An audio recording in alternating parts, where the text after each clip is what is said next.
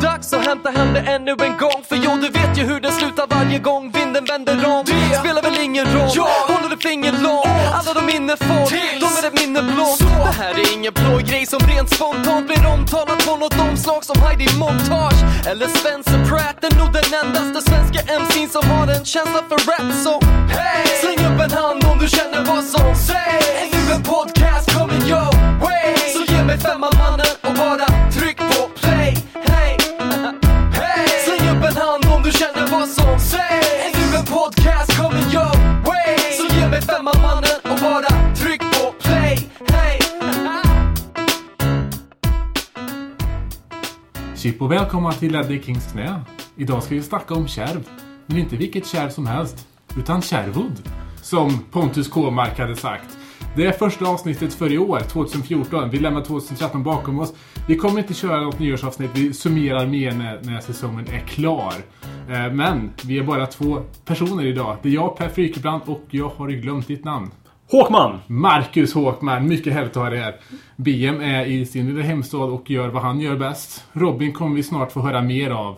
Det här är avsnitt 20 och vi har spelat inte mindre än fyra matcher sedan sist. Tim Sherwood har fått ett nytt kontrakt. Vad säger vi så här långt? Ja, så här långt, eh, om man ska summera fyra matcher här så är det ju en... Det är ju offensivare spel. Alltså vi kommer ju till mer farliga avslut. Vi kommer ju till lika många avslut under eh, AVB rent statistiskt. Men nu kommer vi även till mer farliga avslut. Och det är, kanske är så enkelt att vi har två framme. Nu tror jag inte att fotboll är så jävla enkelt bara för att två framme. Att det är mer offensivt. Jag tror det är andra saker han har liksom mm, kom in med också. Att det kanske är lite mer rock'n'roll där framme. Att inte behöver safea lika, lika mycket i passningsspelet. Ja, Utan ver- slå, mer, Ja. slå, hellre, slå hellre en boll framåt än att behålla bollen inom laget. Försök komma till avslut snabbare. Jag tror det är nyckeln istället för att vi har två anfallare som också är, spelar in. Men jag tror inte det är den enda orsaken. Så enkelt tror jag inte fotboll är.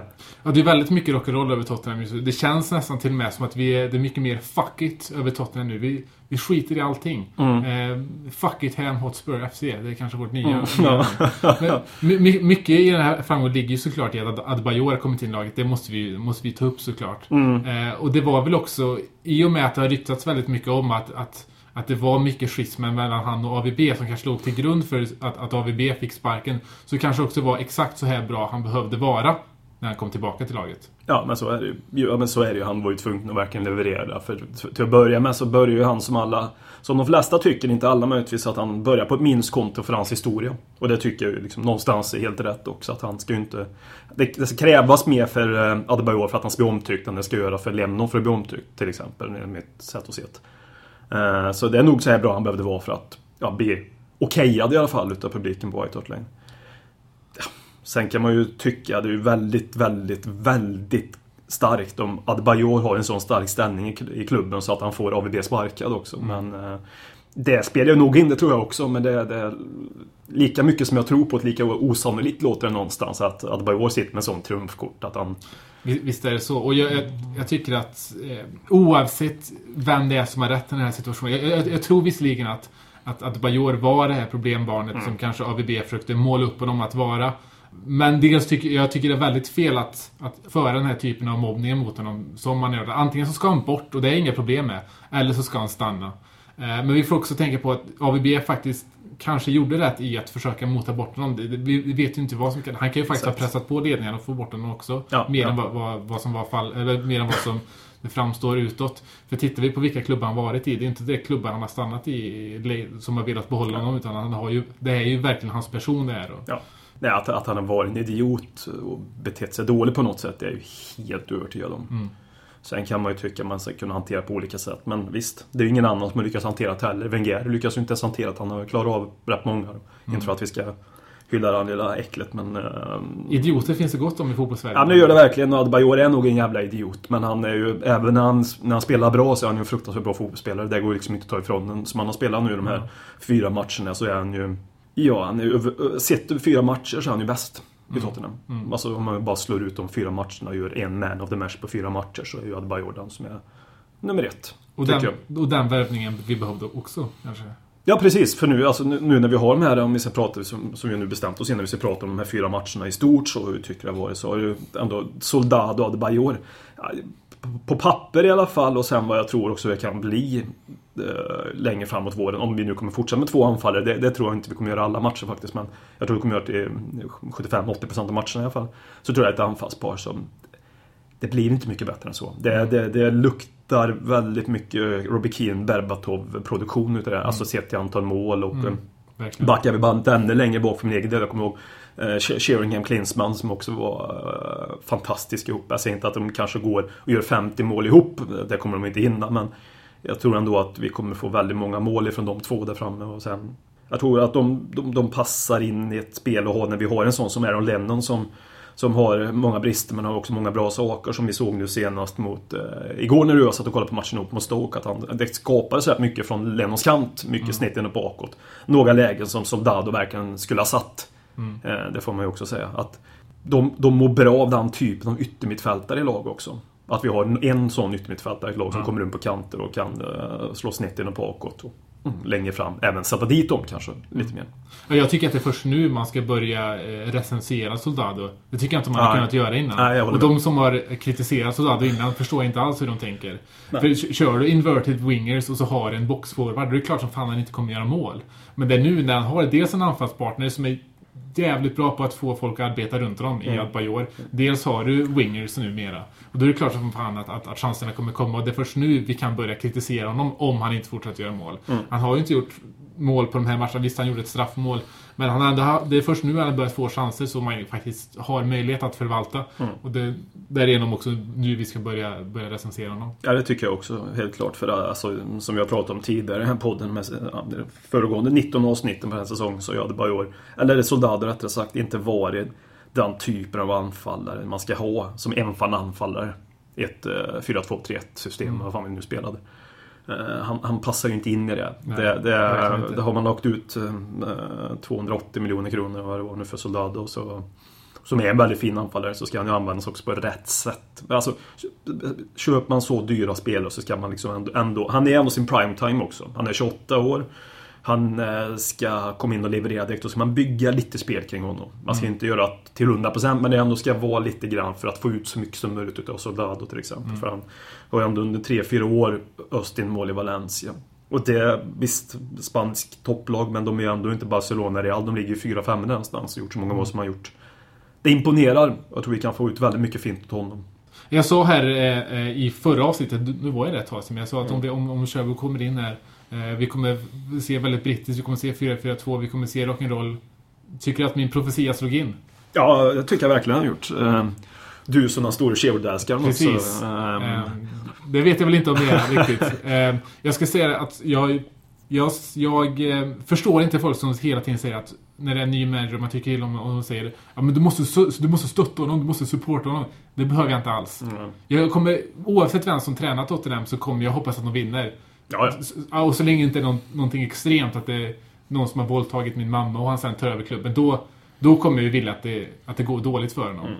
Och, och, även då är det en ganska klen respons från min sida. Mm. Med tanke på vad han har gjort mot min mamma. Mm. Och att jag bara vill att det ska gå dåligt för honom i hans jobb. Ja, det, ja, det kan jag tycka. Men, men, men, men tills den dagen kommer så kommer jag såklart hoppas att det går bra för, mm. för Tottenham. Och det är helt enkelt det personen Sherwood inte gillar. Nej, men så är det ibland. Det klickar inte. Jag, som jag brukar säga om Adebayor. Jag gillar inte Adebayor, men så gör han mål så är jag ju glad. Ja, precis. Han gör mål för Tottenham. Precis. Men jag kommer aldrig älska Adebayor. Mm. Och det är väl samma sak med Sherwood. Man vill ju att de ska vinna. Mm. Men det finns ju ingen logistik att... Alla, någon natur i att man måste älska alla som är i sin klubb. Liksom. Det precis. finns ju spelare som man tycker illa om bara för att det är någonting med dem som gör att man känner ja, motbjudande till exempel. På, på, något sätt så känns det i alla fall om man kollar den svenska Twitter-sfären att det är mer okej okay att hata och pissa på våra spelare än på våra tränare. För våra tränare är ännu mer heliga än vad, än vad våra ja, det, spelare är på något sätt. Det har verkligen blivit så, det ja. måste jag säga. Och, eh, det är väl bra att försöka supporta, men man, man måste förstå att ingen är helig. Liksom. Ja. Bara för att man tycker någonting inte är bra så betyder ju inte det att man per definition vill att det ska gå dåligt. Precis, så precis. stark är ju inte sin eget ego. Man måste dock, få rätt in i varje Dock, alltså, jag gillar Crystal Palace. Jag vill ha kvar Crystal Palace. Men om Tim Sherwood skulle gå, gå, upp och, eller gå iväg och ta över Crystal Palace så skulle jag hoppas att de åker ur. Mm. Lika mycket som Villa som var kvar nu när ja, eh, Tony Pulis är. Han gillar ju vi, två. Det är tur att de andra... BM hade kanske inte gillat Pulis. Nej. Nej. Eh, vi har gjort tre mål i två av tre matcher. Det är mer, vi, under AVB tror jag vi gjorde tre mål i Premier League två gånger totalt.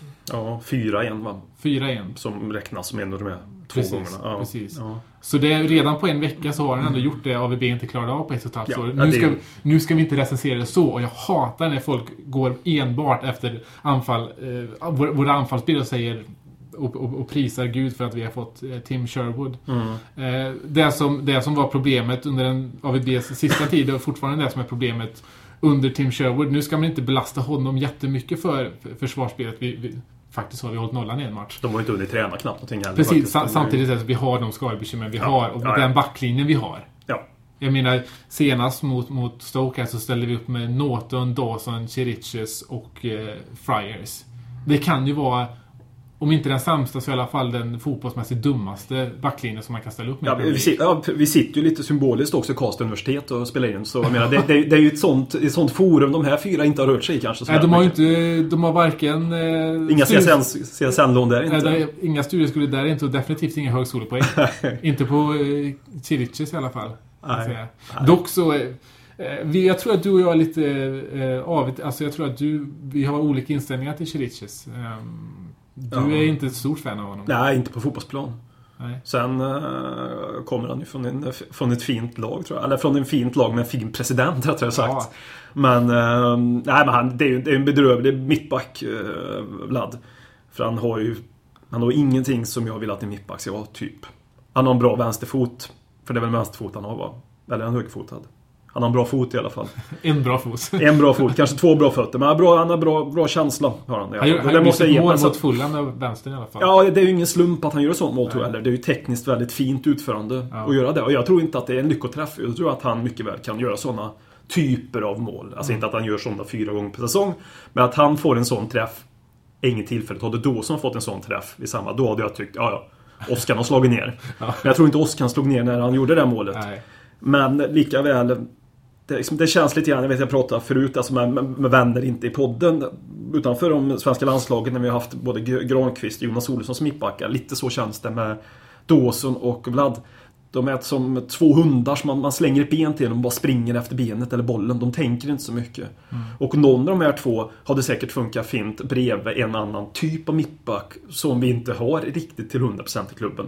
Kabul möjligtvis, Jan Fertongen är väl också lite, men jag tycker också han också inte riktigt kan ha koncentrationen uppe tillräckligt mycket för Ja, det. det. Men han är ju ändå bättre än de två just att ta den rollen. Ehm, Så det är mer den saken. Jag skulle välja någon som väljer Dawson naturligtvis. Ehm, Och köra bredvid en annan typ då. Det, det, det blir lite flika. Och sen när vi också har de som vi har normalt sett, Danny Rose och Kyle Walker. De är ju likadana fast ytterbackar. De bara också bara rusar.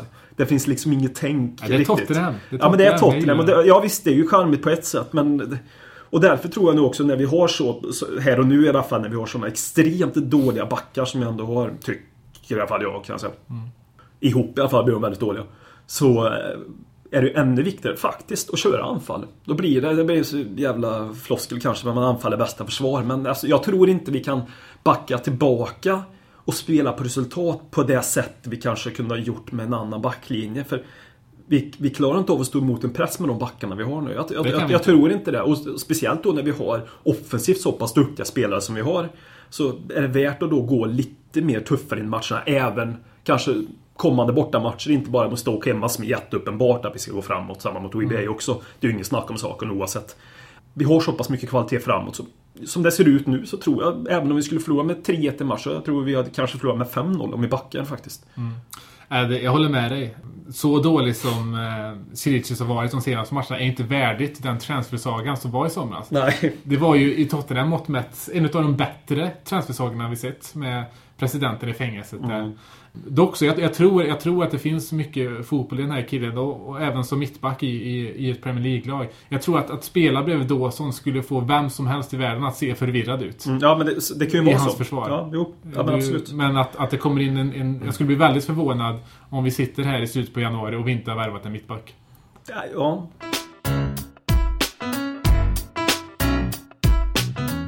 Tim Sherwood, eller Tim Wolf om vi ska kalla honom det. Finns, fanns en, eller finns ju en film från, eh, det var ju 20 år sedan nu i alla fall, med eh, Michael J. Fox som heter Teen Wolf. Om en, en, eh, en tonårskille i college eller high school var det väl som, som förvandlades till en varulv. Och han ser ju mycket ut som en varulv, vår eh, interim-Tim. Eller interim kanske vi ska kalla honom. Ja, Vi interim är han inte heller riktigt längre? Ja, men vi, Han vi kan, känns, han känns som det fortfarande. vi kan faktiskt. komma in på det senare. Ja. Eh, han började i alla fall sin session med en 2-1-förlust hemma mot West Ham. Mm. Och vad kan man egentligen säga om den andra förlusten på hemmaplan mot West Ham? Går det att summera på ett sätt kan jag väl tycka. Det är att förlorar man två gånger mot West Ham på hemmaplan under en samma säsong, eller under en tioårsperiod också för en del, men speciellt under en samma säsong, så ska man ju automatiskt bli degraderade. Så egentligen skulle vi ja, Och vi hoppas... checka ut och spela Championship nu. Så är det faktiskt, för det är... Sett till West Ham är också. Det är ju värre än att förlora mot... Jag kan inte komma på något annat lag. Alltså, förlora hemma och borta mot Arsenal en, en säsong är, är mer okej än att förlora två hemmamatcher mot West Ham. Ja men det, det är bevis. Alltså Oskar kan ju slå ner på samma ställe två gånger. Det har vi liksom Precis. fått bevisat för oss. Och den gör det när Matt Jarvis och Carlton Cole är i närheten. ja.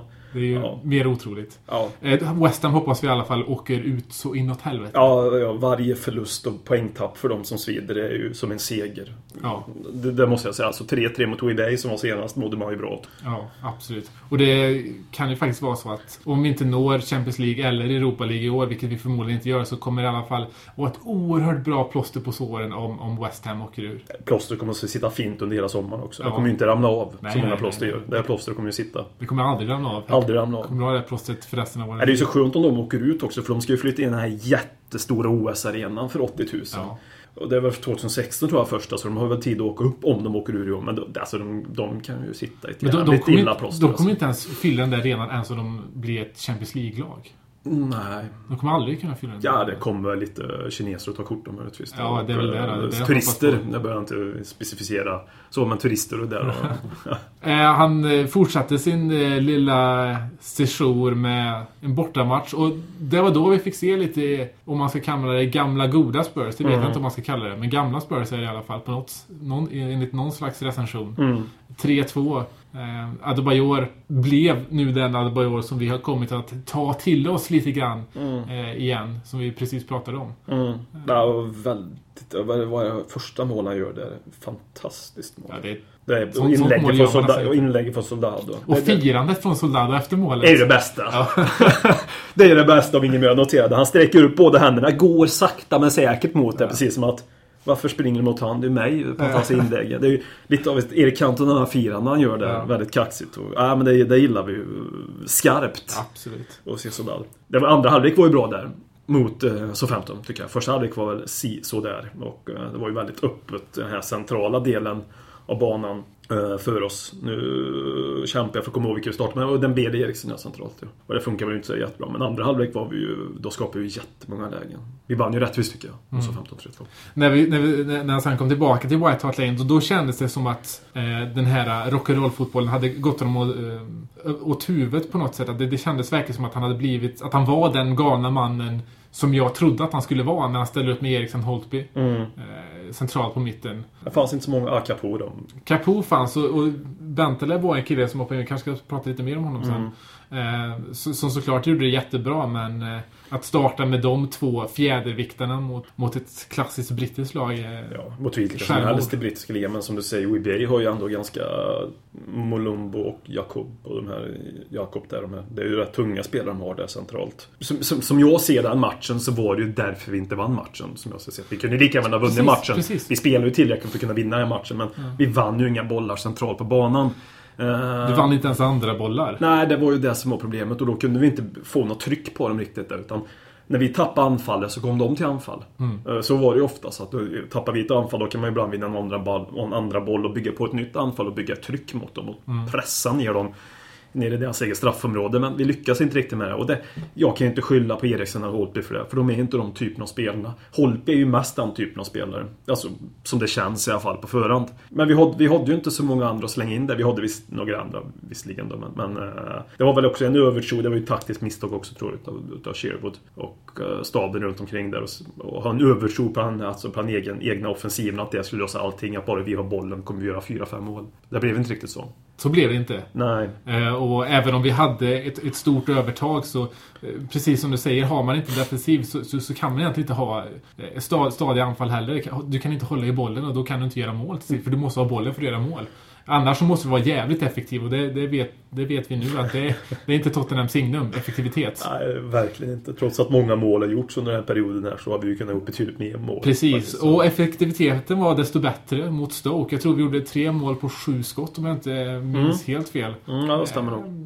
Som sagt, det var andra matchen av tre här nu som vi gjorde tre mål. Det har vi inte gjort. Det har vi, det har vi gjort under AVB, men det tog hela AVBs tid i Tottenham att göra det också. Och den bäst genomförda matchen av de fyra tycker jag också. Precis. Och, och, Inte bara att vi gjorde tre mål, men många andra saker. Och sen kan man lägga in liksom, beräkningen vi mötte Stoke och allting bla bla bla. bla, bla. Men ändå trots det så var det liksom, det var inte bara anfall som funkar, det var andra saker som funkar också tyckte jag. Så. det, det kändes också som att nu fick han också spela med det innermittfält som han ville. Dembélé och Paulinho fanns båda tillgängliga igen. Vi, vi, det kändes som att vi spelade ett spel som AVB länge har velat, men det kanske inte riktigt, riktigt har gått med hans tyglar. Och det här är one-touch-spelet som, som, som alla vill se egentligen. Och jag menar Eriksen, Paulinho, Dembélé, Soldado, alla spelade riktigt jävla bra one-touch-spel. Ja, det, var, det gick snabbt i anfallet. Oerhört för, en, snabbt. för en gångs skull. Så det var, en väl, det var väldigt skönt att se. Alltså. Och det var inte heller 4-4-2 vi spelade. Folk litar väldigt mycket på, på den här grafiken som visas innan matcherna. Men kollar man heatmaps och så vidare så ser man att det här var ett 4-3-3 som vi spelade. Absolut, det är liksom, men det är ju det, det är ju ett 4-3-3 som också kan bli ett 4-4-2 kan jag tänka mig. Precis. Alltså, du, har- du har den möjligheten med Eriksen som, som eh, är lite... Har lite, om, om folk minns Luka Modric gamla roll i Tottenham han spelade vänstermittfältare. Men på papper stod han som en vänstermittfältare. Men rörde sig väldigt fritt inåt i banan. Eh, Det påminner väldigt mycket om den. Påminner väldigt mycket om Extremt mycket om den. Och sen eh, att man hade en vänsterback som skulle få en eh, stor yta då. Sicke Friars i all ära, nu kanske inte den vänsterbacken i långa loppet som ska ta det ansvaret. Nej. Men nu hade vi ingen annan att ställa upp med igår. Så. Nej, men dels kan man också se det lite som att jag tror att under, under AVB så hade han inte gett Friars den chansen utan han satt Norton där istället. Och på så sätt så hade inte vi kunnat ha en, en, en, eh, en Eriksson där som går inåt i banan. För ska man ha en sån som går inåt i banan då måste också vänsterkanten lämnas åt en vänsterfot.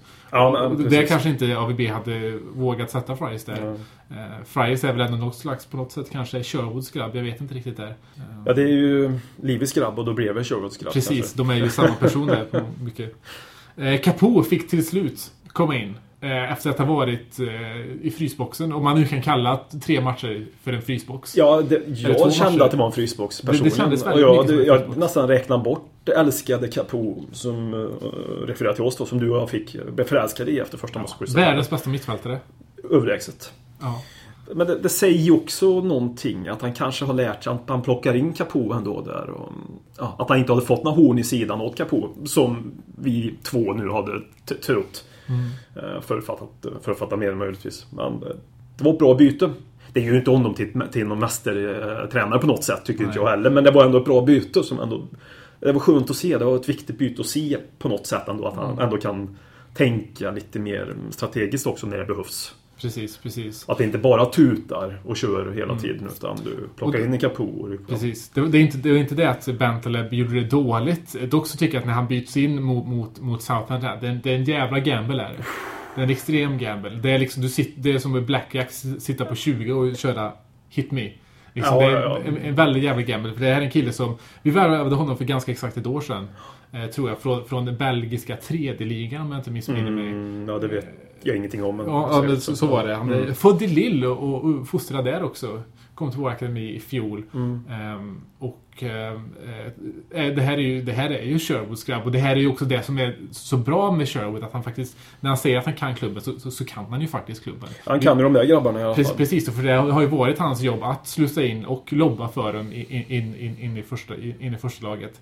Eh, Men, men att om, om någon sitter där och säger att ja, jag väntade bara på att Bentaleb skulle komma in i den här matchen så, så ljuger ni. För det, det var en ren jävla gamble. Och gjorde han det så är det bara att säga, och verkligen, verkligen gjorde det, så är det extremt att kunna förutspå den, eh, det inhoppet. Ja, precis. För går det åt Eh, helvete där, vilket det mycket gärna kunde ha gjort. Ja, ja. Eftersom vi då hade haft, vad var det, Eriksen, Eriksen Bentaleb var det. Och det, jag menar att vi vinner den matchen och inte går och förlorar den med 5-1. Det hade ju kunnat förstöra hans karriär. Ja, när vi hade Capo på bänken Precis, också. precis. Som hade varit det säkra kort och mer rutinerade kort att ta in. Men Ja. kanske Ben- som. Ja, Bentley är en mycket intressant spelare i övrigt. Um, har gjort det bra. Han har gjort det väldigt bra. Han har ju spelat, i, i U21 har han ju spelat eh, mer eh, nummer 10 Mm. faktiskt. Mm. Eh, jag tror det var i, i förrfjol när han hade spelat nummer 10 så hade han Carroll och Velkovic bakom sig som sittande. Eh, Han, han, han är en väldigt mycket Livermore-kopia. Just det att han eh, kör, Mm. kör sina korta sidledspass och eh, inte så mycket kreativitet och inte så mycket spektakulär. Men han, han, han gör det han ska, han gör det bra. Tror faktiskt att eh, ligger ett lån, en utlåning i potten för honom nu i januari. Kanske till en Championship-klubb. Hoppas att han kan gå och ut på lån för det, det tror man mår bra av Ronaldo istället för att spela, ja, göra ett inhopp var sjätte match i Tottenham så det är ju bättre att få spela Precis. typ Sheffield Wednesday eller Charlton. Speciellt, med, speciellt med den konkurrensen vi har där också. Att en sån som Capo ska faktiskt inte få stå tillbaka. Även, även om det alltid är bra med, med egna, egna produkter. Även om man men inte är en egen produkt.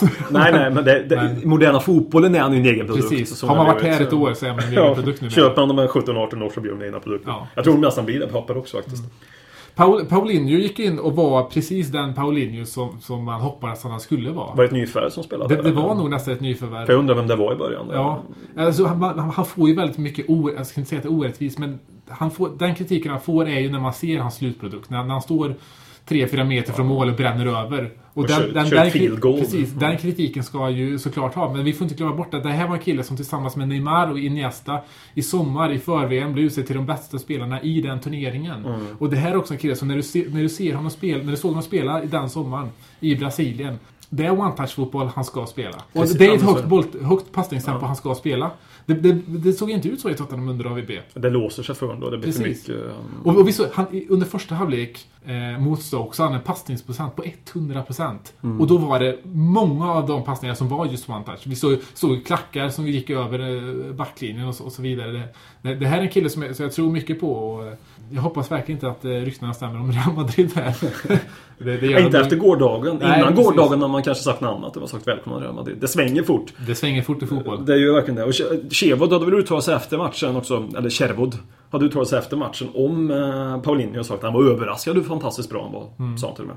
Synd att han gick och skadad såg inte att detta kom liksom. Vi vet ju inte riktigt hur allvarlig den här skadan är när vi sitter och spelar in. Så. Förhoppningsvis bara en smäll. Verkligen, så, så om man liksom kan bygga på detta, eller bygga på detta, det går ju knappt att bygga, spela så mycket bättre än jag gjorde igår, men alltså man kan bygga ändå på detta och hålla detta en, så, man, så man ser att detta är på riktigt. Ja. Med Pauline, att det inte bara liksom är one-off, så kan det ju vara ibland när man kommer in. Man har ju bevisat att han har den här... Ja, han ja, ja. håller den här Ja, nivån. absolut. Så det här är liksom inte bara en, sån Nej, här- nej, nej. en Ja, bra men, match liksom. men det kan ju vara, men så kan det också vara att detta, som du sa, det, att detta är ett spelsystem som passar honom perfekt. Mm. Och om vi nu under show ska spela den här typen av fotboll i en majoritet av matcherna ställer upp med 4-4-2, sen är det ut på planen i en annan femma. Ja. Men när det är med lite lägre backlinje vad vi är vana vid och vi har två anfallare. Det är väldigt mycket yta för anfallaren att jobba på. Då ska egentligen båda innermittfältarna vara box box. Och, då, och när vi har Dembélé och Paulinho, är, de är i princip de bästa, eller bland de bästa i Premier League på just det här. Dembélé igår gjorde sin, han var kanske bäst på plan igår. Ja, han gjorde väldigt bra. Eh, Hela mittfältet var Ja, fantastiskt. precis. Det, det är också en kille som, som eh, under AVB fick en lite mer defensivt ansvar. Det märktes att ibland gjorde han det jävligt bra. Mm. Eh, och jag menar för han, han spelade med Parcroft också mycket. Man vet inte riktigt vad det hade för implikationer på hans spel. Det är väl lite som för Chiriches att li- att lira med Dalton kan jag tänka mig. Eh, men då hade, då hade ju Dembélé både defensivt och offensivt ansvar. Ibland gjorde han det väldigt bra. Men ofta så, ofta så hämmar honom väldigt mycket. Mm. Han, han har inte spelat, det är inte spelare som innehar mycket kreativitet. Men när han väl får göra det, han vill ha det offensiva ansvaret, då, då blommar han och då är han en av de bättre. Och då är han också den spelaren som United ville ha och som United hade mått bra av. Ja, ja, ja, absolut. Spela som han gör igår och behöver inte ligga på den extremt höga nivån jämt. Han kan sänka några procent och vara jävligt bra utifrån gårdagens prestation. Så håller han ju absolut toppklass på det där innermittfältet. Inte bara i Tottenham utan ligan i stort. Som en av de bättre innermittfältarna. Och, de här, och, kunna liksom bygga på de här två den här prestationen de gör. Nu tycker jag faktiskt någonstans kan ändå, att det kan, är de här två hela ska de här spela nästa match också. Då ska man bygga vidare på detta. Eh, För det, det funkar så pass bra. Och det betyder inte att det blir framgång i kommande match, att det är på samma sätt. Men lyckas man så väl, då ska man få ett förnyat förtroende tycker jag. Och det tror jag att de får, om nu Paulinho är frisk nog att spela. Vi får se mot United. Yes.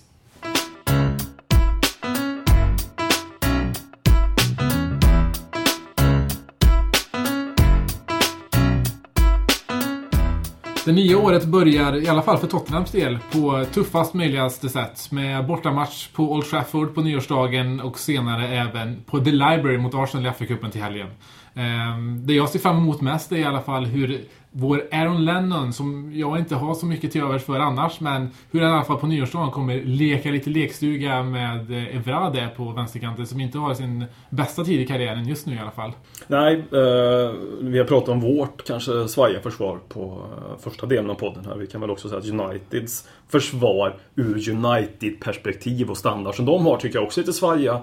Vidic, Ferdinand, Evra, eh, vad fan har de på högern? Det vet jag inte ens vem de har just nu. Eh, Rafael är ju borta också. Vad sa du? Han är borta också. Rafael är borta. Ja. Ja, men det, det, det, det känns som man sätter dem i rörelse. Mm. Försök att ha dem så mycket sidledsjobb som möjligt. Alltså.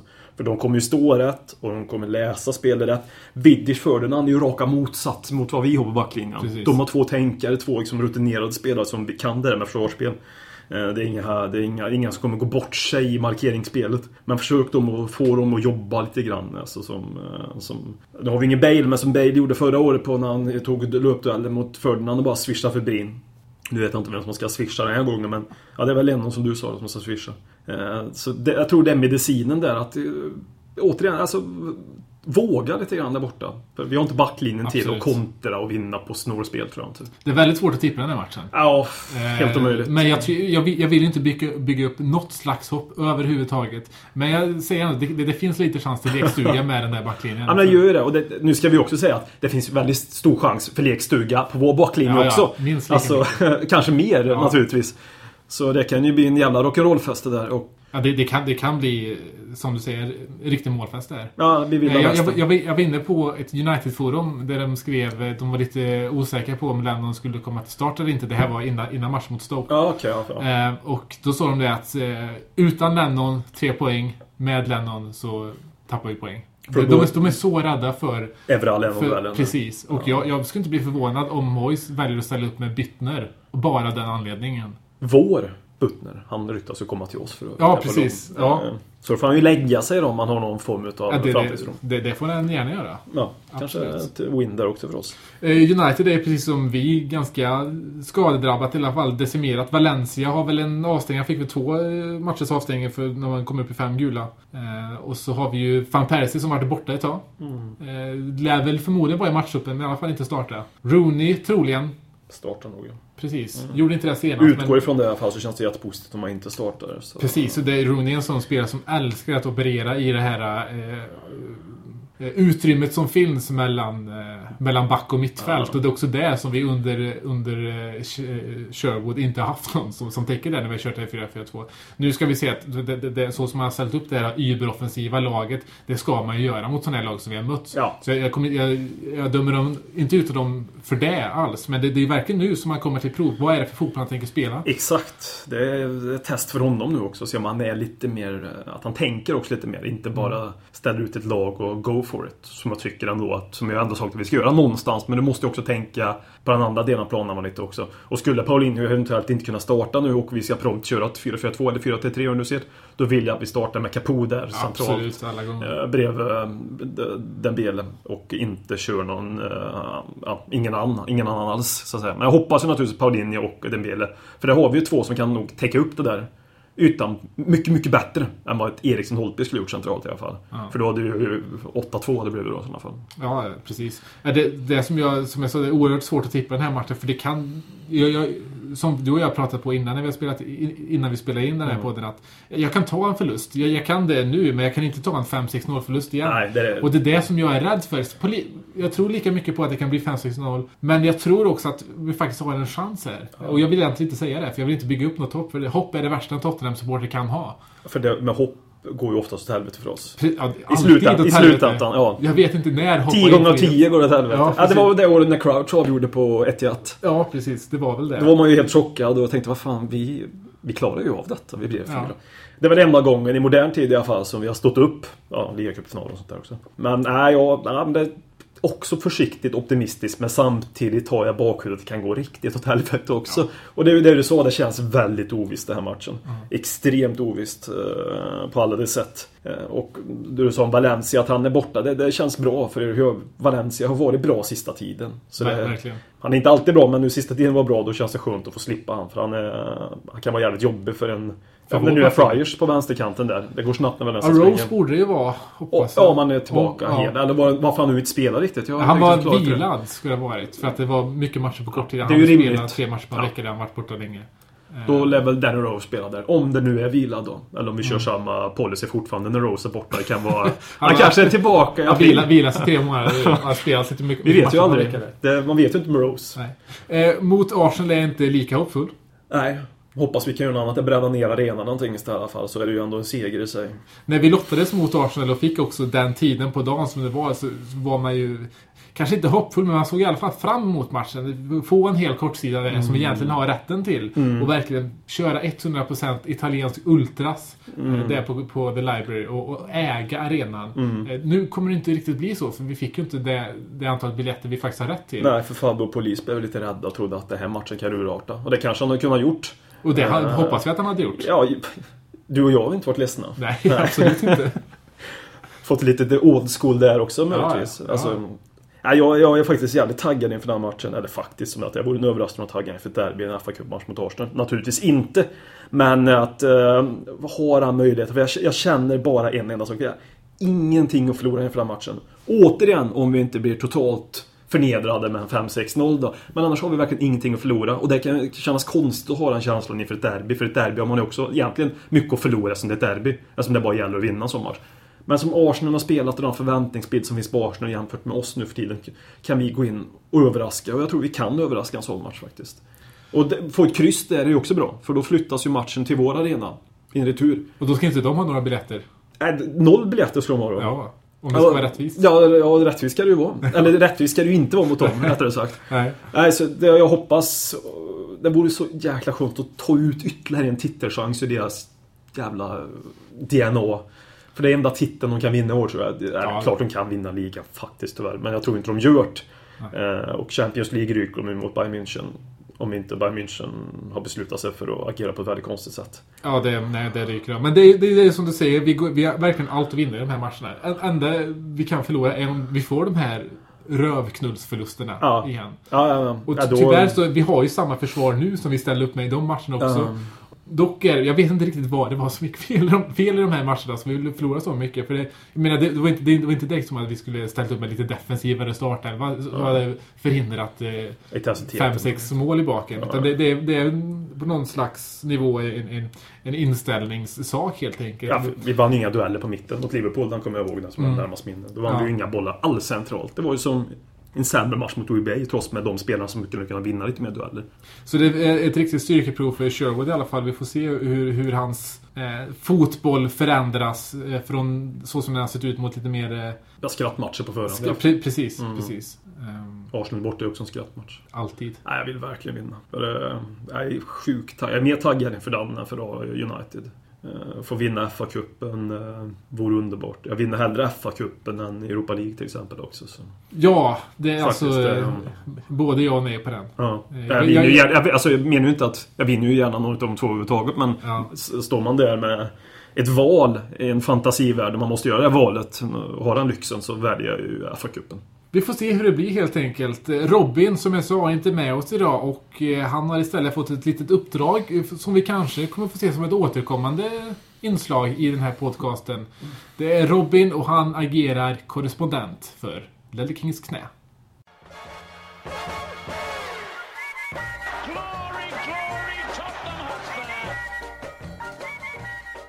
Du lyssnar på Lelle Kings knä och här kommer ett par ord på vägen med mig Robin Johnsfield. Jag tänkte kort börja med att prata straffsparkar eller som det på tyska kallas ein Elfmeter eftersom att vi i talande stund haft lika mycket flyt som en frigolitbit på stilla vatten och fått fyra straffsparkar med oss i Premier League. Soldado, som jag tycker i alla fall till utseendet påminner på ett bra sätt om en solstolsförsäljare med Baywatch-shorts och hajtandshalsband på en medelhavsstrand har ju varit hundraprocentig i sina straffar. Och efter straffen mot Hull så uttalade sig Soldado om hur han tänker innan straffsparkar och pratade om sin förmåga att tänka bort fansen, motspelarna och målvakten. Vad säger då statistiken om hur en b- bra straff bör tas? Jo, en målvakt är sju av tio gånger mest benägen att hoppa åt sin naturliga sida.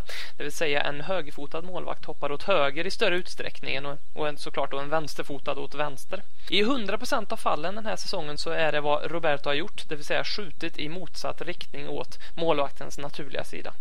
Dessutom så har eh, Ignacio Palacios Huerta, eh, inget namn som kanske rimmar väldigt elkännande där hemma i stugorna, men i alla fall han har forskat på mer än 1400 straffsparkar och kommit fram till de straffar där skytten skjuter i motsatt håll från sin naturliga fot så ökar chansen att det blir mål. Med andra ord så är målvakten också benägna att hoppa i straffskyttens naturliga riktning. Och det här är också vad Roberto har gjort tre av fyra gånger den här säsongen. Så nu när jag har röjt Soldados strafftaktik så får vi hoppas att inga målvaktstränare för de stora Premier League-lagen lyssnar på Ledley Kings knä. Mm. Och från straffsparkar till januari-transferfönster som sedan 2004 har varit obligatoriskt enligt Fifa. Eh, storyn om eh, januaritransferfönstren har egentligen sin begynnelse i början av 1990-talet. Förslaget om att enbart tillåta spelarköp en viss period under säsongen och året var på tapeten men röstades ner då eh, av många av de mindre klubbarna som såg det som en dålig idé. En av de stora förespråkarna för övrigt för januari-transferfönster för att etablera ett sådant var Terry Venables som var Tottenhams dåvarande manager. Terry, med över 115 matcher i den liljevita tröjan, resonerade att det vore bättre att ha ett fokuserat transferfönster, eh, vilket enligt honom skulle låta tränare fokusera på att utveckla laget och coacha under större delar av säsongen istället för att behöva parera bort oönskade parasiter i form av agenter och Peter Oden-Wingisar som hängde på låset för att få till en transfer. Så vilka är då de bästa affärerna vi mäktat med att göra i januari över åren? Vi har ju hunnit med en del, alltifrån Jon Jönsson från Hässleholm i januari 2000 till Ryan Nelson från Blackburn Rovers 2012. På tredje plats rankar jag köpet av Simon Davis och Matthew Etherington som båda hämtades från Peterborough 2000 för ett kombinerat belopp av 1,2 miljoner pund. Etherington blev inte lika framstående som Simon Davis men eh, han var ändå en vital del i en bytesaffär som såg till att vi kammade hem Freddie Canute ett par år senare. Simon däremot var mer lyckad och mäktade med drygt 100 matcher innan han skeppades vidare. På andra plats hittar vi Michael Dawson som 2005 köptes för 3,5 miljoner pund från Nottingham Forest. Dawsons form den här säsongen och även bitar in på förra har varit ifrågasatt men eh, det finns ingen som kan ta ifrån honom allt det slit han har lagt ner i den liljevita tröjan. Drygt 220 matcher till dagens datum och jag tror vi kommer få se mer av Nottingham-zonen nu när Sherwood klivit in i beslutsfattandet. Och vem är då den bästa värvningen som vi skaffat till oss i januari månad eh, under alla år? Jo, enligt mig är det Martin Shivers som kom 1968 för ynka 125 000 pund från Southampton. Om man översätter det till dagens penningvärde så är det knappt 3 miljoner pund. Tyvärr är det också svårt att göra en uppskattning där på den inflationen som rått i spelartransfervärde. Men direkt översatt så är det här nästan exakt samma summa pengar som vi nästan exakt också 30 år senare, också i januari, värvade Ramon Vega för. Vilket sätter saken lite i perspektiv. Det är dock ingen som kan säga annat än att Martin Chivers var en bra värvning. Initialt hade han haft svårt att få en plats då Jimmy Greaves och Alan Gilsin spelade på topp och gjorde det väldigt bra i Tottenham. Och han var faktiskt en opopulär figur på White Hart Lane och framförallt också internt i spelartruppen då han ofta beskrevs som lite lat och gnällig. Men hans facit sen på 118 baljor på 278 framträdanden för Tottenham är oundvikligen en fin fjäder i hatten för Martin. Vi har gjort väldigt många dåliga affärer också under januari månader historiskt bör tilläggas och det var därför ganska svårt att ta fram det här. Framförallt också i modern tid. Vem minns inte Gilberto Silva, Ricardo Rocha och Nicola Berti? Ja, det är väl namn som inte direkt klingar framgång här i våra led. Det här var allt raljerande för den här veckan. Du lyssnar på Lelle Kings knä. Jag heter Robin Johnsfield.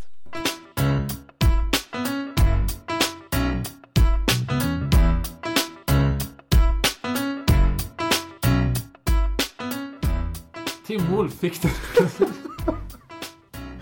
Åh, vad jobbigt. Det är inte, inte roligt egentligen. Nej. Fan, vi skulle spara allt det här. Bara ha Jag måste ha så. Lägga ut en hel timme sen. För egen skull, mitt annat. Ja, mm. Tim Wolf. ja, förlåt. Nu gör vi. Okej. Vad är det som var det? Det här har inte hänt förut. Det har aldrig hänt förut. Som en 14-årig brud att ha krav på en sån. Okej. Tim Wolf fick det där kontraktet han så gärna ville ha. 18 månader långt är det, men det känns fortfarande lite som att han är en interim manager. Inter-Tim som vi tidigare kallade honom. Håller du med? Ja, absolut. Eh, Han har ju, alltså, om han nu på något sätt skulle få vara kvar i klubben efter, eller inför nästa säsong, så krävs det nog en topp 4. Eller en femteplats med bra spel och en titel. Då tror jag faktiskt han kan få vara kvar. Eh, Alltså, det är lite provanställning, men det är en provanställning under jävligt tuffa förhållanden va, som, som kräver eh, succé rakt av. Annars kommer ju han ryka. Det tror jag. Ja, vad kräver resultatmässigt för att han ska få stanna Nej, kvar det, egentligen? det är vad jag tror nu då. Så en topp 4 tror jag han får stanna oavsett hur det ser ut på plan. En topp 5 med en titel i en kupp Eller alltså, och då vi har spelat den här typen av fotboll vi gjort. Nu ändå spelat bra fotboll och blir du femma så har du ändå gjort rätt, tagit rätt många poäng och lyckats rätt bra under våren ändå. Då tror jag också någonstans att eh, om man ser att det finns någonting att bygga på. Men vad fan, vi pratar ju om Livis och vi vet ju inte, vi kan sluta trean för sparken. Vi kan sluta sjua, han får vara kvar. Nej, det får han väl aldrig vara naturligtvis. Man, man, man vet ju inte. Så, men det är vad jag tror. Jag, jag tror det finns chans för honom att vara kvar. Jag tror också att han fattar att det här kontraktet är en eh, provanställning till sommaren. Han är, som, jag tror inte han är så jävla korkad. Men det sänder ju ändå signaler till en spelargrupp tror jag. Jag tror det är bättre att göra så här faktiskt nu. Och skriva ett ett och ett halvårs kontrakt än att ge en till sommaren bara. För det sänder signal till spelarna. För spelarna kanske tror, ja men nu är det en tränare som kan avgöra min framtid. Den här tränaren kanske kan ta bort mig till sommaren. Det finns en sån rädsla för dem i alla fall. Han var ju väldigt outspoken Tim under den här lilla övergångsperioden som var efter att David Beal fått sparken och sa att han inte alls var intresserad av att spela, att spela andra fiol, att det var allt eller inget för honom. Eh, Jag, jag tror innerst inne inte att han är så dum som som jag många gånger eh, får honom att framstå. Eh, Men att det snarare var mer kanske löne och kontraktsförhandling. eh, Och verkligen sätta press på livet genom det här kontraktet. Snarare än att han faktiskt tror att han faktiskt ska få den här chansen. Att det de facto är allt eller inget för honom. Eh, Att, att välja eh, att ta Tim säsongen ut såg, ses väl liksom som ett ganska självklart. Jag menar, ge någon ett kontrakt på bara fem månader i Tottenham och så som läget är just nu. Det är inte många tränare som går med på det. Knappt någon. Jag skulle säga att den enda som kanske fanns i pipelinen där var i så fall Hoddle. Och tack gode gud att det inte blev Glenn Hoddle. Ja. För då hade jag skurit eh, artärerna. Ja, precis. Nej. Och då, då älskar vi Hoddle att han är, han är ju en Tottenham-kille och han har gjort allting för klubben. Men det är inte någon Tottenham-tränare igen. Inte med det här laget. Han har också, dessutom också snackat skit om Eriksson och Lamela och säger att vi borde sälja dem i nästa transferfönster. Så det... Ja, det var med, ja visst. Ja. Ja, det, ja, men Det, du- det, det låter sådär. Det låter sådär, Ja. visst gör det Men sen är det också så att jag tror heller inte att Tim Sherwood får eh, nästa... Ja, det är klart att som du säger, det går det jävligt bra så får han såklart chansen. Men sen är det också bra av den anledningen du säger, sp- liksom spelarna vet att det är det här som gäller och, i alla fall. Och, och, och eh, om vi inte får eh, de tränarna som ligger i pipelinen efter VM i sommar så har vi i alla fall en reserv på så sätt. Så vi kommer inte gå ut och behöva panikvärva någon tränare och så. Det har ju snackats väldigt mycket om en viss eh, Louise van Gaal. Eh, och eh, det har också ryktats om att faktiskt eh, Sherwood ska få spela andra fiol till van Gaal. Och det ser jag som en oerhört bra kombo. Eh, jag har snackat mycket om att anledningen till varför jag inte gillar Sherwood är för att han är en ren galen man. Då blir det två galna män. Precis, men jag, jag, vet- jag vet ju att det är inte direkt, jag är inte direkt konsekvent när jag sen säger att jag gillar van Gaal, för han är väl snarare fan galen. Han är, han är kanske den galnaste av de galna. Ef- Efter Bielsa då möjligtvis. Som Precis, jag kommer ihåg eh, när han var tränare i Bayern München. Där han gjorde väldigt bra ifrån sig första säsongen i alla fall. Mm. Så Luca Toni, jag vet inte om du känner till den här historien, det gör du säkert. Mm, eh, när eh, eh, van Gaal samlade spelarna i omklädningsrummet, drog ner byxorna på sig själv, visade hela paketet och sa Titta, jag har staken nog att peta er. Det kände jag inte till. Han visar, han visar alltså hela heliga Maria. ja, ja. Och Kan, kan du se framför dig AVB göra något sånt? Där det är, Nej. dra fram kuken och säga Titta där! Det Heliga där Maria. Paulinho. Ja, fan, jag stakar efter Ja, men det, visst. Alltså, det man har hört om van Gaal så någonstans är det någon tränare där ute. Förutom Bielsa igen, så eh, låter det rimligt att han kan göra en sån grej ändå. då. ändå eh, det låter ju orimligt, men det låter ju ändå rimligt Men om det är kan, någon som kan göra kan det. man annat än älska en man som gör någonting sånt? Nej, jag, kan inte det. nej, det blev kärlek nu. Ja, det blev verkligen kärlek. så nu är jag superpro van Gaal. Jag har ju inte varit negativ till van Gaal heller. Eh, Det är precis den här typen av tränare jag söker. Eller precis kanske inte är, men det är ju ändå en rutinerad herre som jag vill ha. En som har gjort det på många sätt. En som har gjort det på, på, på ett fotbollssätt som, som tilltalar mig också. Ja. Som tror jag skulle passa in. En som jobbar med mycket världsstjärnor, kan hantera dem. Ja, det kan man ju ifrågasätta Anis om man kan hantera dem eller inte. Men han, han har ju gjort bra grejer i alla fall. Ja. Så, ähm, ähm, ja men van Gaal. Absolut lite beroende det går för Sherwood. Mm. Alltså där naturligtvis. Ähm, Van Gaal som man väl på något sätt kan kalla för AVBs farfar. Eller Van Gaal som eh, hade Mourinho som lärling och Mourinho som hade AVB som lärling. Ja. Det finns en relation där. Eh, Van Gaal är en sån som går in och verkligen tar över omklädningsrummet. Han är som vi sa en galen man och han är ett Ja, det är narcissist. Det är också...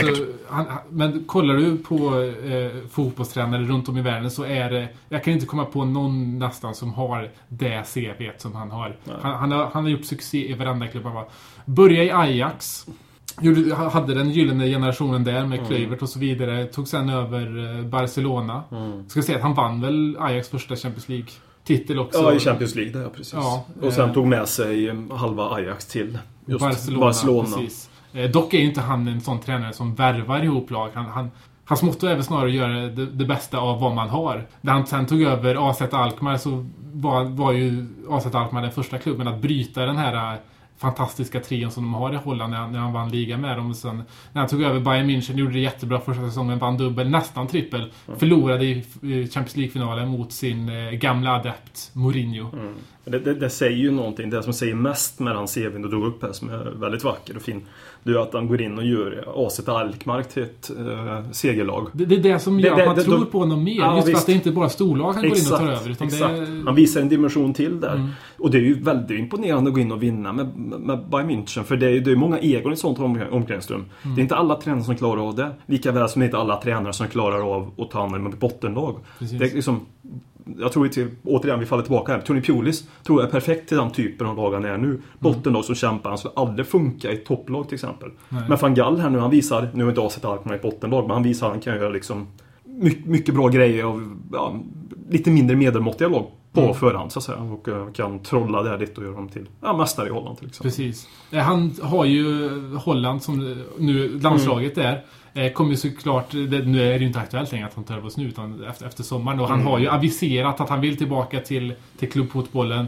Eh, och det har varit mycket rykten och jag skulle väl nästan säga att det är väl till 99% så att det kommer bli van Gaal. Känns mycket så. Det känns så. Eh. Och sen, eh, ja, ja men det känns... eh, Den här boken som eh, håller på att skrivas nu så känns det som slutet redan är klart in. Så att. Precis. att van Gaal kommer. Precis. Det enda som kan sätta stopp i det, det är en braksuccé av Tim Sherwood tror jag. Det är väl det. Så är det. Det Så är väl det. det. Och sen har ju van Gaal själv sagt att han vill, eh, han vill testa England. Mm. Han har inte testat England. Nej. Och det är ju... Tottenham är ju ändå... Vi är där uppe. Det är ett lag som man kan ta över och kan göra saker med, som man skulle känna. Det är ett lag han kan skapa någonting väldigt fint utav. För de Absolut. förutsättningarna finns där. Det behöver inte säga att vara för mycket Tottenham-supportrar. Liksom. Vi kan göra bra saker där. Det finns ett väldigt bra råämne i Tottenham. Absolut, absolut. Och det är det som, en sån galen man som eh, van Gaal som kan få fram det också. Eh, det har varit mycket skriverier om att Livi faktiskt tog sig till det privatjet. Lite konstigt att Livi tar privatjet när han låter sina nyförvärv åka Ryanair. Men han ja. tog i alla fall privatjeten ner till Amsterdam, spenderade 5-6 timmar med van Gaal där och såg tillsammans med van Gaal på TV Tottenham besegra Southampton med 3-2. De ska tydligen ha kommit väldigt bra överens och ja, lite kärlek där också kanske. Jag vet inte om van Gaal kanske drog ner byxorna även där. Missade någonting. Ja, han var ju i Amsterdam. Så Ja. mycket, mycket hände ju i Amsterdam. Precis, så är det. eh, men det här är också en man så om vi ser den strukturen som vår klubb har just nu med eh, Baldini. Det är, det är ju inte en struktur som van Gaal gillar. Nej. Van Gaal vill ju ha kontroll. Van Gaal vill inte bli kontrollerad. Eh, men det, det, det här måste ju ändå varit någonting som de pratar om. Att Ja. vi har den här strukturen och att van Gaal ändå kan rätta sig efter det. Nu vet man ju inte hur det kommer sluta. Och, och, jag menar, som det alltid slutar med Tottenham. Det slutar med att van Gaal får sparken i oktober. Precis, det vet vi i det, alla fall. därför också, jag menar, man vill alltid ha lite unga, sexiga killar som tar Mm. över. Och den här mannen är 62, han passar inte in i... i, i Man är i- sexistisk i i, alla fall. Det är han verkligen. Och det är i alla fall någonting att komma med. Ehm, eh, men som sagt, han är 62. Jag, det, jag bryr mig inte så, mycket om det längre. Just för att är du manager i Tottenham så stannar du ju max två år. Liksom. Ehm, så det, det är inte ett bekymmer längre för mig. Nej, verkligen inte. Det är klart, man, man, man har ju, det är ju det som det handlar om när AVB kom. Nu kommer det en som är 35. Man behöver inte vara 35 för den sakens skull. Man kan, det kan vara 45. Då tänker man, nu har vi en tränare som kan vara här i Ferguson länge. Men vad fan, hur många tränare är det liksom? Och, och, det är klart att det finns en, att man ska ha en sån, eh, eller klart behöver det inte vara, men man kan ha en sån vision och tanke för sig själv. Att man drömmer om att det är så det ska se ut. För det betyder ju också per definition enormt mycket framgång om de tränare som stannar så länge utsätts utsett ifrån klubbens förutsättningar. Men eh, jag tror jag som dig, det är bättre att få in en som eh, kan göra bra grejer här och nu. Och sen när han eh, stämplar ut, inte från jordelivet utan från tränarkarriären, då kanske kan få någon annan som kan bygga vidare på detta. Ja. Ja, det är, det är ju väldigt långt i framtiden när du sitter och säger det här nu. Det kommer ju Ja, ändå men- att sluta med i november att han får sparken. Så det. du, du sa där att ja, de träffades och såg matchen ihop och troligtvis kom bra överens och det tror jag att Liv kommer med alla men eh, Livi har inga vänner. Han har, ju- han har vänner men han har inga långlivade vänner tror jag Livi. Nej, det, det, tror, det tror jag verkligen inte. Relationer tar slut snabbt där. Sen är också Fagalle en, en sån... eh, Han kommer inte att ta en skit av Livi. Det är ju två starka Ja, det är aldrig att det han tar kommer, skit det, Livi. det kommer ju bli... Ja, ja, det, det finns ju verkligen risk att detta kommer bara spricka i oktober. På riktigt om detta skulle hända. För att, inte för att det går, kommer gå sportsligt dåligt per definition. Utan för att det funkar inte. Van Gaal, Van Gaal sitter inte och stryker Livi medårs. Han drar inte upp byxorna På det om Livi ville. Vad sa du? Han drar inte upp byxorna om Livi begär det. Nej, verkligen inte. Får stanna där De stannar där nere. Titta och var avundsjuk, säger Van Gaal. Van Gaal har också, är ju sån också en tränare som har den potentialen att han kan göra oerhört bra med Tottenham och på så sätt kanske vi har ett bättre utgångsläge och få en ännu bättre tränare. Eller tränare som, om vi nu ändå snackar Mm. Ferguson länge, nu kommer det aldrig hända i Tottenham. Men vi, Det är en dröm bara. precis, men vår utgångspunkt förbättras i alla fall. Ja, men tycker jag. Det har ju snackats mycket om att, att eh, eh Sherwood faktiskt ska få spela andra fiol bakom Van Gaal, som jag hoppas mycket på, för jag tror att det är en väldigt bra kombination. Sherwood, så att säga. Det som är bra med Sherwood är att han har...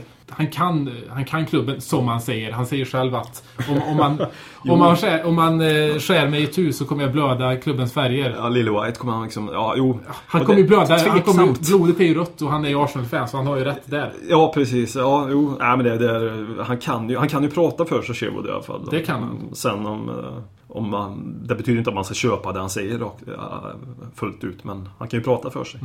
Så riktigt i alla fall strukturen ser ut då. Det som är lite mer oklart är ju hur strukturen ser ut nu egentligen.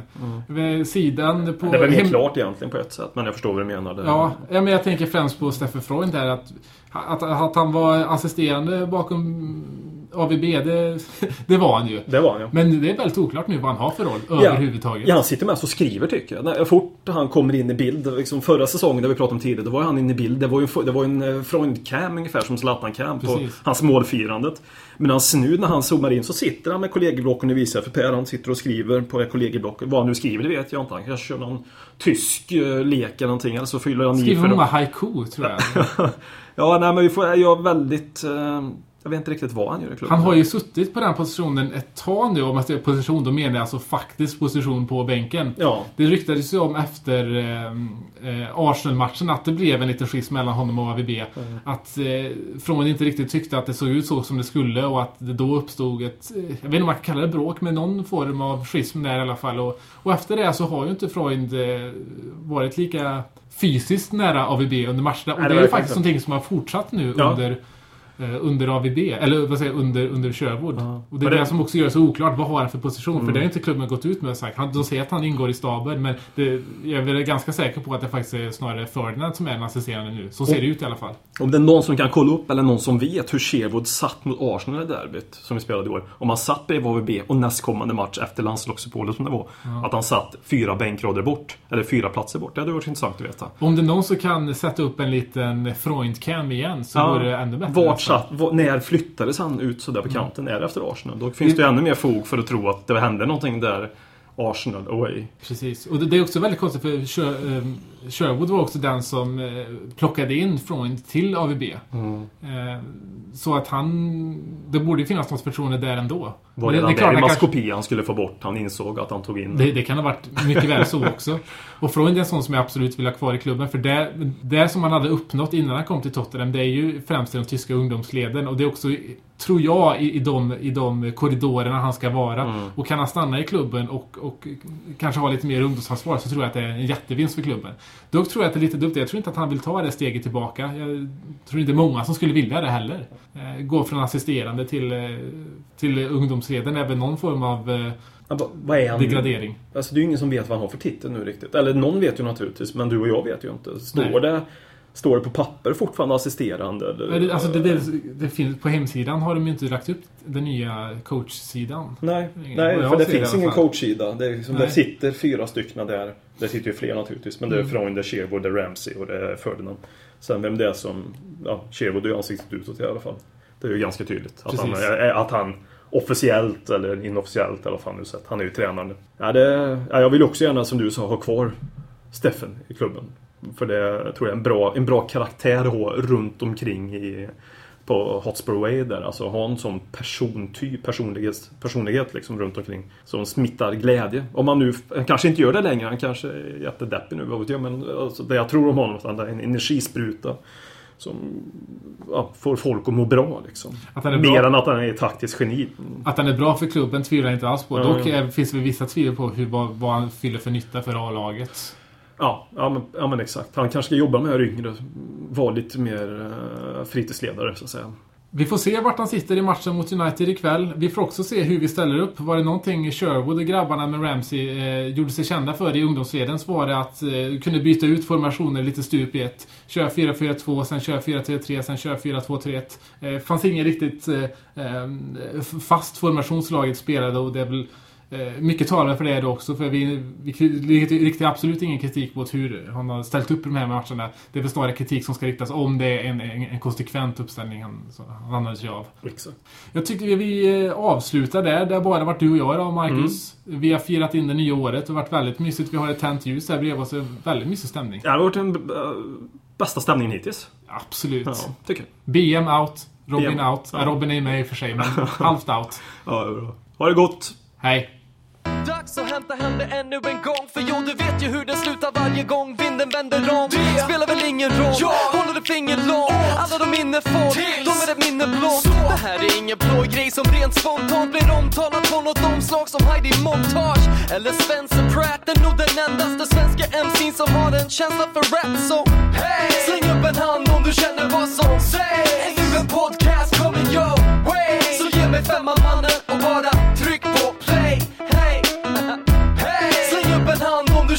som sägs. Nu en podcast coming your way. Så ge mig femma mannen.